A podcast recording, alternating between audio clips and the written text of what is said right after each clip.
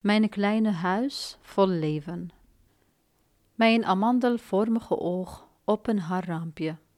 Ik hoor het kraken van het raam, luid en gespannen gekraak. Mijn oog verzamelt alle verspreide beelden tegelijk. Flashback herinneringen. Mijn oog ziet gebarsten aan vochtige muren.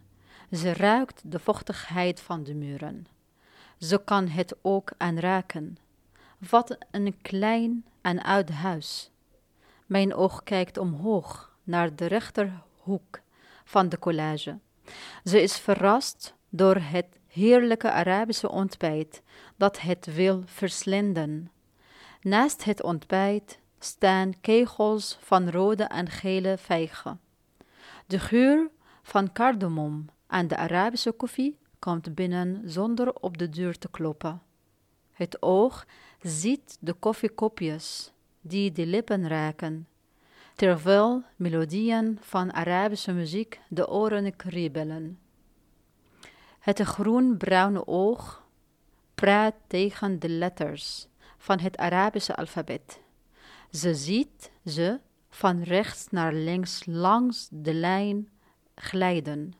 De letters R, Ra, ziet eruit als de maan. De letter N, Noen, ziet eruit als een kuil.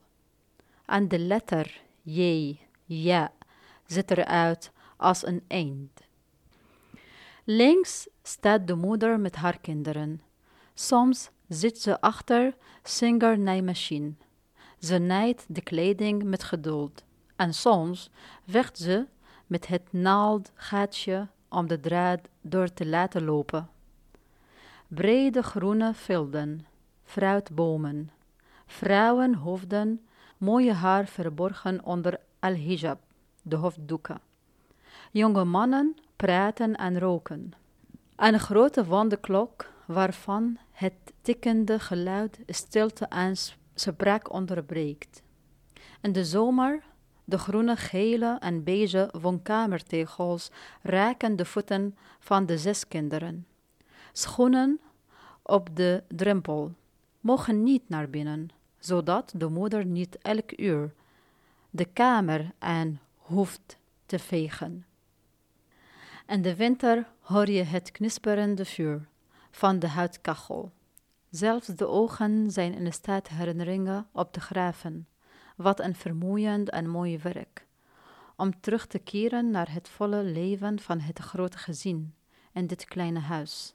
Vol van geluid, gelach, geuren, mensen, buren, schoenen. Alles was vol en veel. Nu wordt ons huis in Aleppo slechts bewoond door mijn zus, de enige van ons gezin die achterbleef. Nu is mijn oog moe. Ze sluit het raam en wenst dit oude huis goede dagen.